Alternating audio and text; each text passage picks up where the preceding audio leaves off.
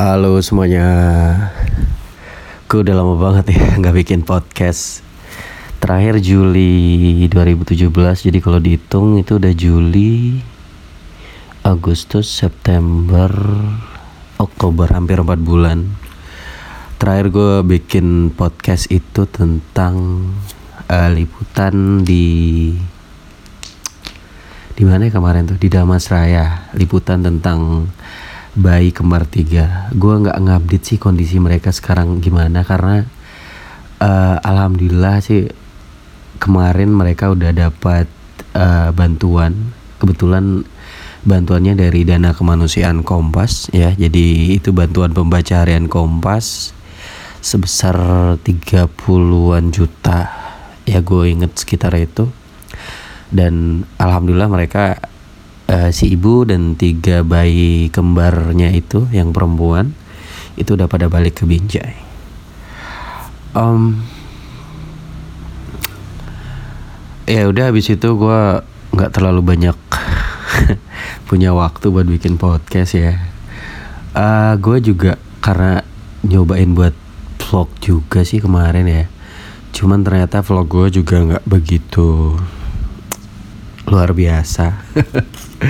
Kayaknya emang masalahnya sama semua ya mau vlog, mau vlog, terus podcast atau apa pun itu yang berkaitan dengan uh, uh, kegiatan di internet itu kadang uh, datang-datangan ya. Konsistensi itu kayaknya mahal banget.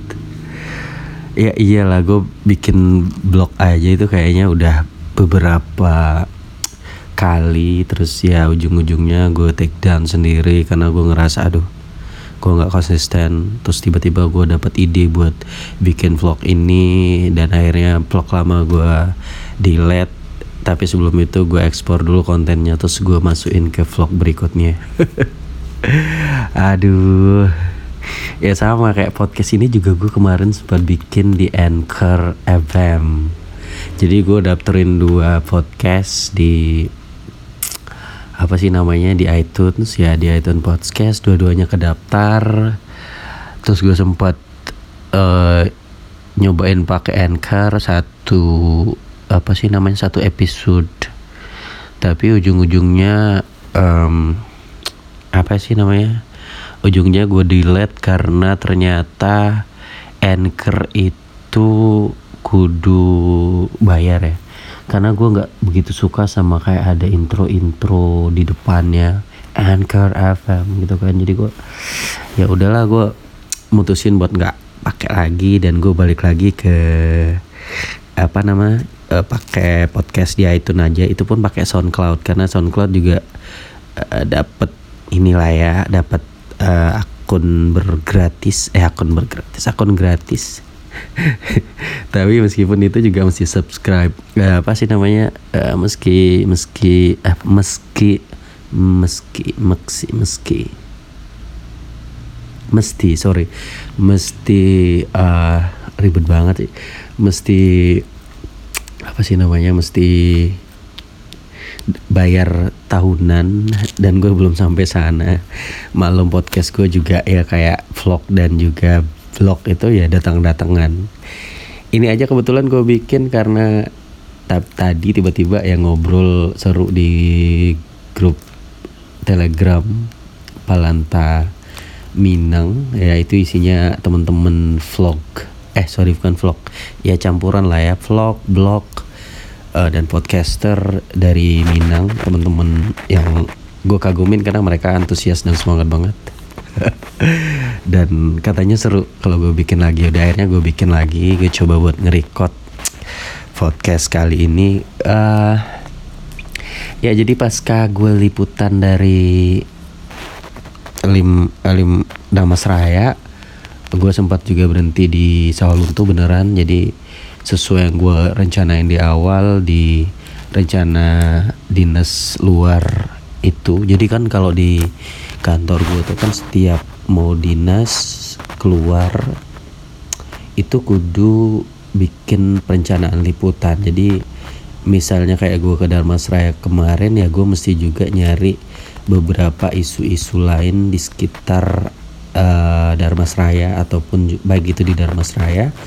atau di apa sih namanya di daerah-daerah yang gue lewatin.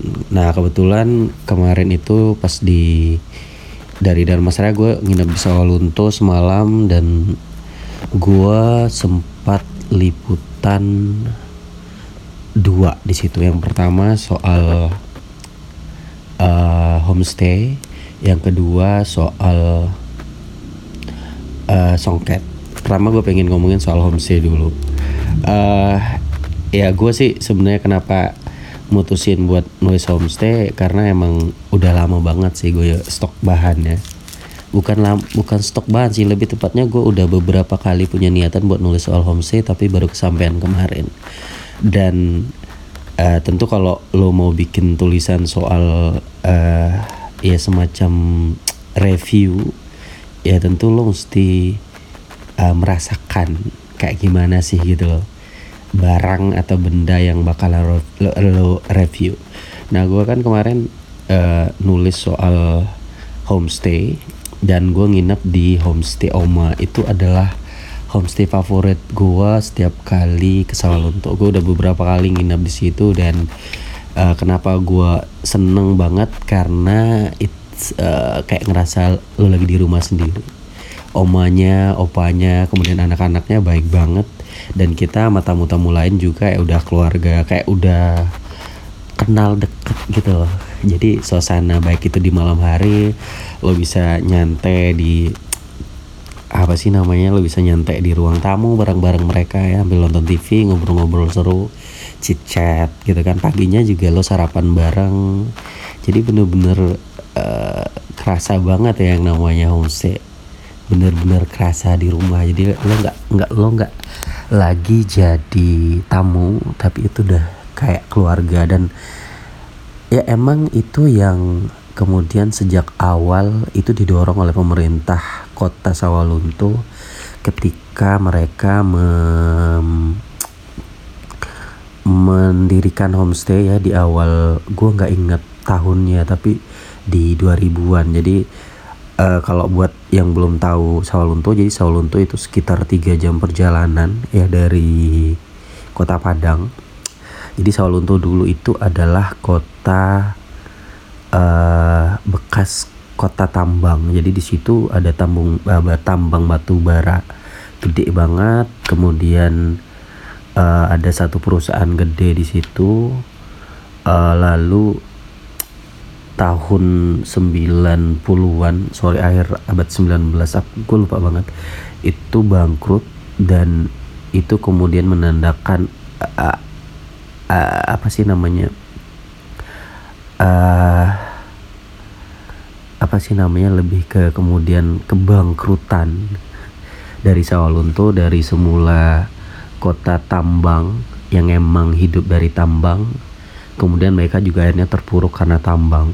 Ku ingat banget kalau kemudian uh, pertumbuhan ekonomi di Sawalunto sampai minus ya, lalu juga kemudian uh, kemiskinan tinggi banget, kriminal tinggi banget, sampai akhirnya uh, wali kota mereka salah satunya adalah almarhum Pak Amran Nur itu kemudian berinisiatif untuk membangkitkan kembali sawah lunto bukan dari sesuatu yang baru tapi dari apa yang pernah membuat mereka berjaya dulu yakni tambang. Jadi akhirnya terinspirasilah yang namanya kota wisata tambang. Uh, dan ya perlahan kemudian Sawalunto bangkit dan saat ini kemudian menjadi salah satu objek wisata di Sumatera Barat.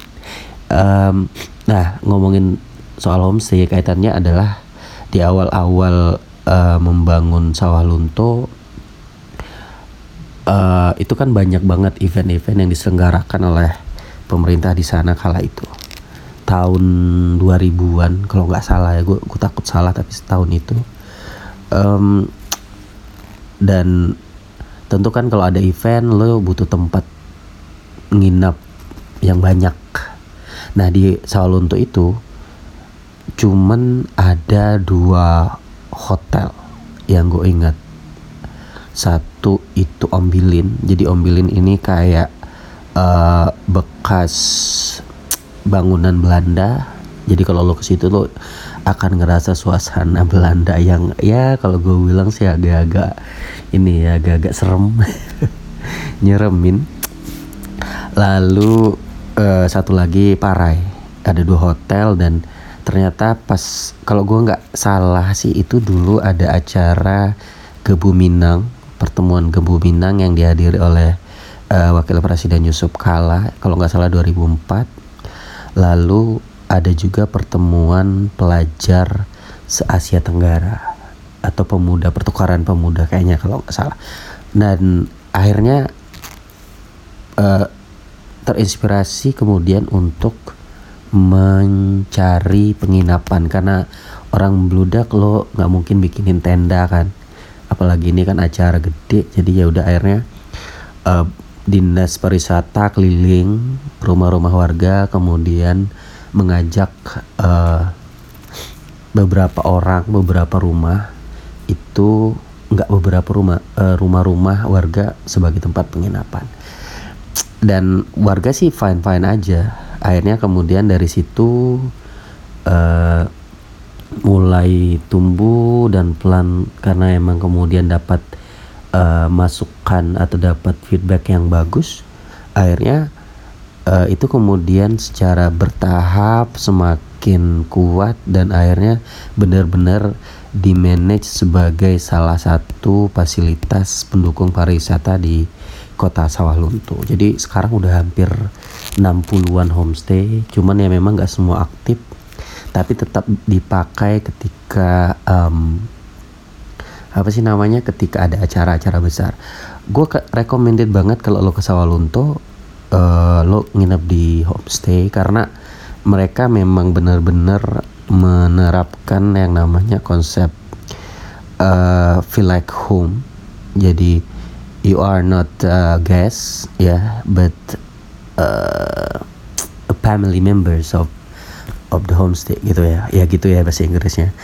Uh, dan mereka punya jaminan atau standar tinggi bagi tamu. Jadi kalau ada yang uh, macam-macam ya kalau ada homestay yang nggak kasih pelayanan yang bagus nggak kasih uh, kualitas pelayanan nggak kasih uh, apa sih samanya tempat tinggal yang bagus itu tamu bisa lapor dan mereka pengelola homestay bisa dikasih scores. Itu misalnya nggak terima tamu nggak dapat tamu dari asosiasi ya yang mengelola uh, homestay di sana. Jadi emang benar-benar udah di manage sangat bagus dan ya kayak Oma Homestay itu gue recommended banget kalau teman-teman ke Sawalunto uh, nulis uh, sorry apa bikin soal uh, nginep di Oma Homestay.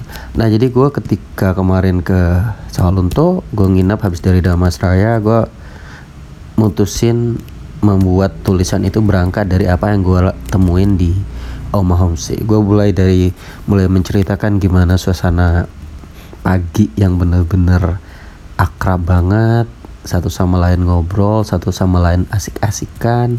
Uh, sorry, satu sama lain bener-bener um, kayak keluarga gitu loh, kayak orang yang emang bahkan ada yang cuman ketemu tadi pagi itu saja itu udah akrab banget. Jadi gue berangkat dari situ dan kemudian gue kembangin gue gambarin apa yang terjadi kemudian gue boleh masuk ke sejarah um, gimana berdirinya homestay homestay di Sawalunto kemudian sampai juga ke bagaimana kebijakan atau aturan atau tata tertib yang mereka junjung tinggi bersama atau yang di mereka sepakati bersama sampai juga kemudian rencana-rencana ke depan.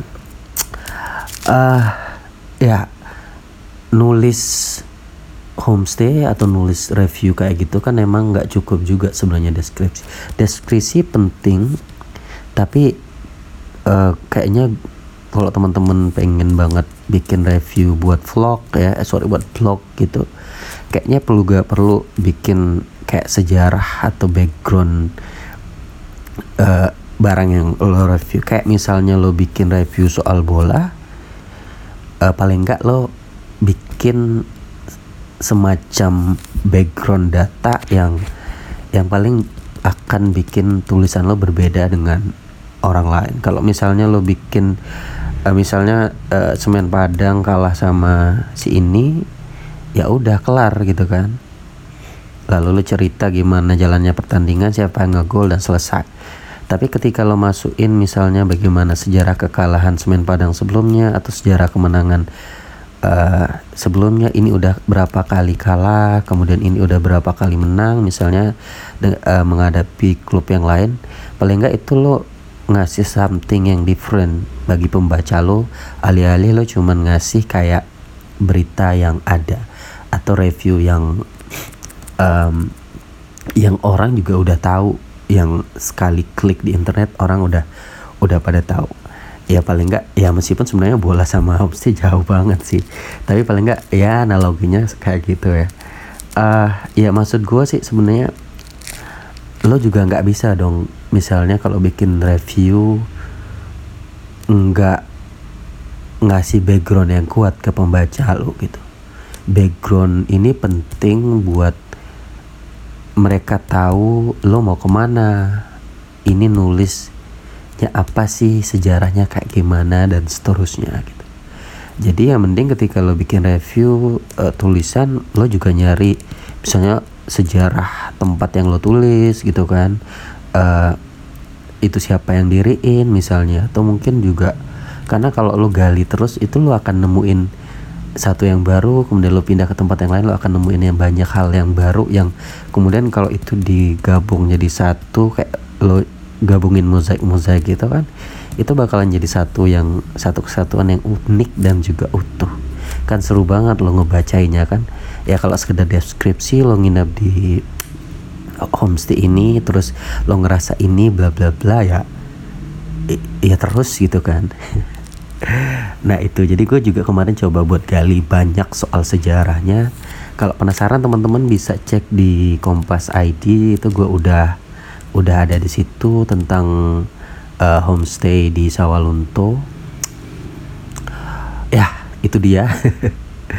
Uh, tulisannya uh, menarik banget karena di situ gue juga bikin vlog sama foto ya.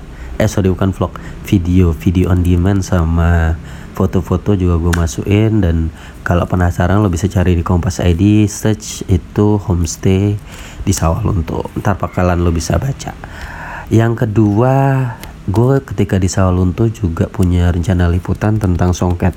Kita tahu sendiri kan songket itu udah jadi salah satu ikon dari sawah lunto. Makanya kan setiap tahun itu ada namanya Siska atau sawah lunto International uh, Songket Karnaval. Ya jadi kayak macam acara karnaval uh, songket dan pesertanya nggak cuma orang sawah lunto tapi juga dari berbagai uh, daerah di Indonesia.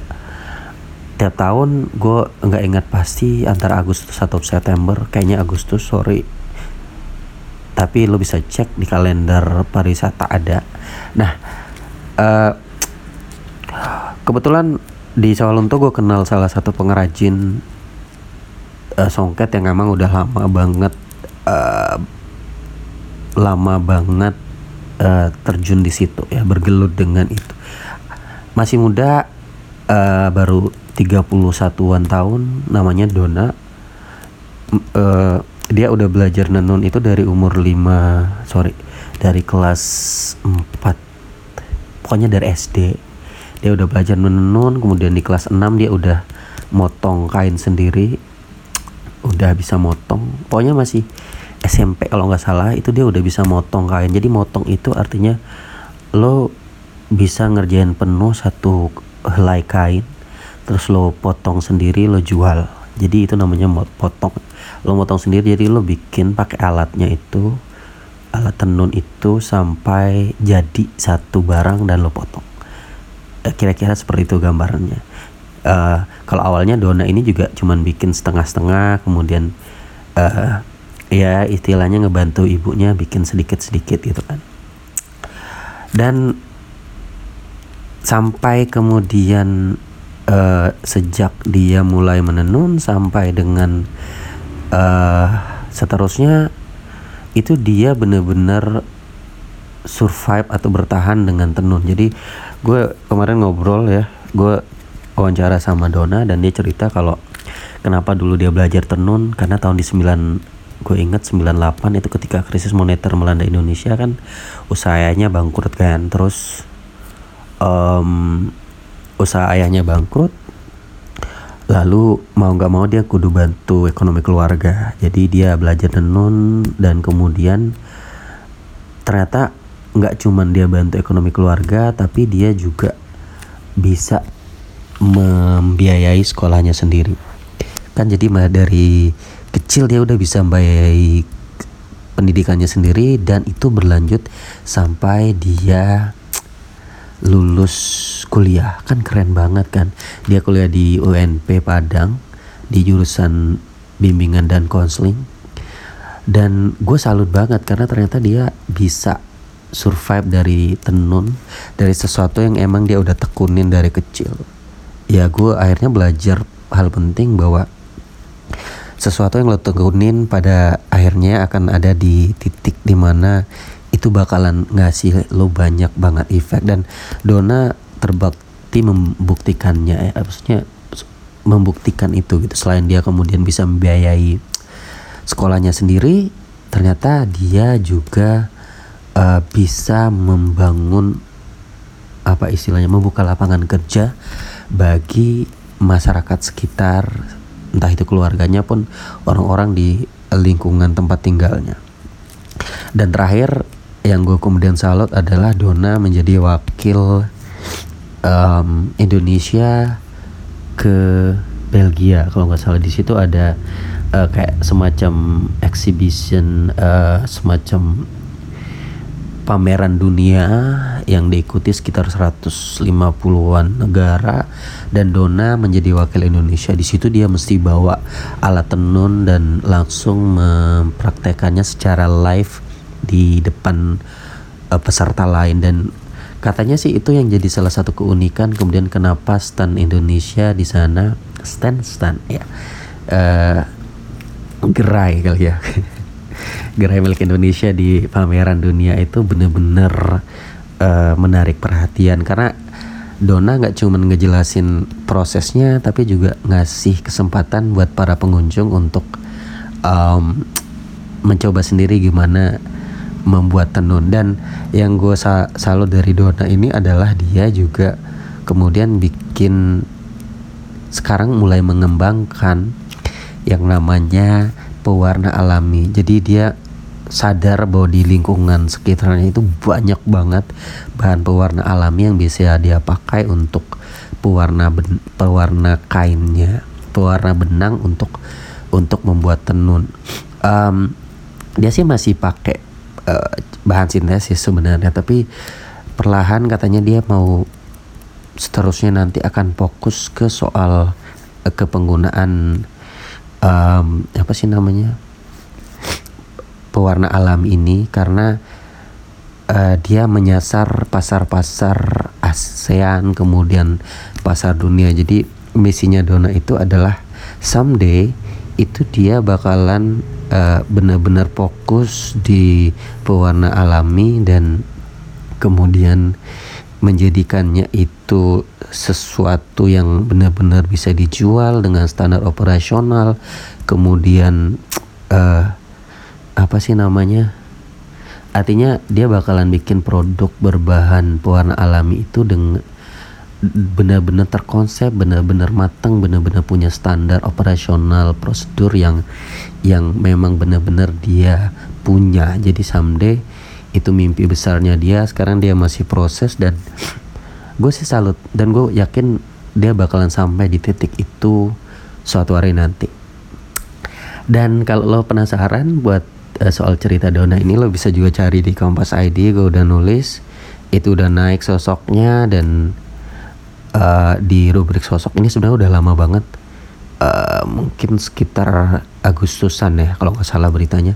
Itu udah naik kalau teman-teman pengen baca cari aja di kompas.id cari uh, Donna Sawalunto. Ada di situ dan uh, apa sih namanya ada tulisan soal itu. Nah ngomongin soal sosok uh, sosok ini kan emang juga termasuk sulit yang uh, termasuk sulit banget buat ditulis karena ya azan ya. Uh, sosok ini termasuk yang susah banget buat terus gue sambil jawab azannya nggak apa-apa ya. Uh, termasuk susah ditulis karena uh, kita emang nggak bisa sembarangan di kantor gue itu rubrik sosok ini adalah salah satu rubrik favorit tapi juga rubrik yang penulisnya kudu hati-hati banget buat bikin. Uh, kenapa? Karena karena uh, memang banyak pertimbangan yang kemudian bisa membuat seseorang itu layak menjadi sosok. Makanya gue selalu berhati-hati ketika menulis rubrik yang satu ini. Uh, soal Dona ini sendiri kenapa gue akhirnya nulis? Karena gue emang dari awal di Sumatera Barat dari 2014 itu gue udah kenal Dona dan udah tahu kayak gimana sih dia gitu. Dia gue ngeliat terus dalam artian gue ngikutin prosesnya meskipun nggak setiap hari tapi gue ngeliat gimana progres dia dan sampai pada satu momen di mana gue kemudian yakin bahwa oke okay, ini mesti jadi sosok tapi itu pun gue nggak langsung hanya ngelihat dari sisi gue saja tapi gue juga kemudian sempat nanyain ke berbagai pihak. Artinya untuk mengkonfirmasi bahwa oke okay, ini nggak cuman dari gue aja ngelihat atau dari cerita dia aja tapi gue juga perlu ngelihat dong cerita orang lain yang emang uh, deket dengan dia yang memang um, apa sih? Yang memang tahu dia juga gitu. Jadi gue nanya biasa gue nggak ngasih tahu kalau gue bakalan liputan gitu tapi lebih nanya ini orangnya kayak gimana sih dan emang uh, ya benar gitu bahwa memang apa yang dia ceritakan apa yang udah dia lakukan selama ini juga sama dengan apa yang jadi ceritakan orang yang dekat dengan dia. Uh, so akhirnya ya udah gue mutusin nulis gue kirim dan ternyata kantor nerima dan ya gue seneng banget kemudian itu bisa naik. Gue kabarin Dona gua, dia bilang thank you dan ya gue berharap kemudian itu bisa nggak hanya memotivasi dia juga kemudian memotivasi banyak orang juga untuk ya kalau emang nggak bikin tenunan ya paling nggak semangat Dona untuk kemudian fokus pada satu hal. Itu juga dilakukan orang lain untuk fokus pada apa yang dia kerjakan saat ini artinya kan Dona udah ngebuktiin dia berhasil dengan fokus dengan ulet dengan kerja keras pada tenun. Nggak bisa dibilang berhasil tapi udah jauh lebih baik dari sebelumnya. Dia melihatkan progresnya. Siapa tahu kan kita juga di apa yang kita kerjain saat ini kan juga bisa melakukan hal yang sama apa pun itu apa pun bidangnya kan mau di politik mau di sosial mau di uh, apa ya budaya atau apa pun lah itu intinya fokus itu dia. Kayak katanya setiap ya mendiang Steve Jobs juga gitu. Kalau nggak sederhana ya fokus. Sederhana dan fokus. Dua hal yang kenapa kemudian Apple sampai hari ini benar-benar masih jadi penguasa di uh, industri gawai. Ya karena mereka tetap simple dan mereka tetap fokus pada apa yang dikerjain. Eh kok ngomongin iPhone ngomongin Apple sorry. Intinya itu uh, thank you buat semuanya yang udah dengerin. Ntar gue bikin cerita lagi deh soal liputan gue soalnya belakangan ini gue juga sempat sempat uh, banyak vakumnya sih. Pengennya sih bikin tiap minggu gitu ya kayak uh, uh, siapa sih namanya? Kayak podcast awal minggu gitu kan. Satu hari seminggu satu kali seminggu. Paling enggak ya kayak di podcast pertama gue kan gue pingin banget bikin apa sih namanya cerita uh, paling nggak seminggu itu berisi rangkuman liputan tapi ternyata gue cuman ngomong doang ya. Nggak dikerjain. Sorry sorry. Ntar gue bikin deh ya. Oke okay. thank you buat yang udah denger. Kita ketemu lagi di podcast berikutnya. Assalamualaikum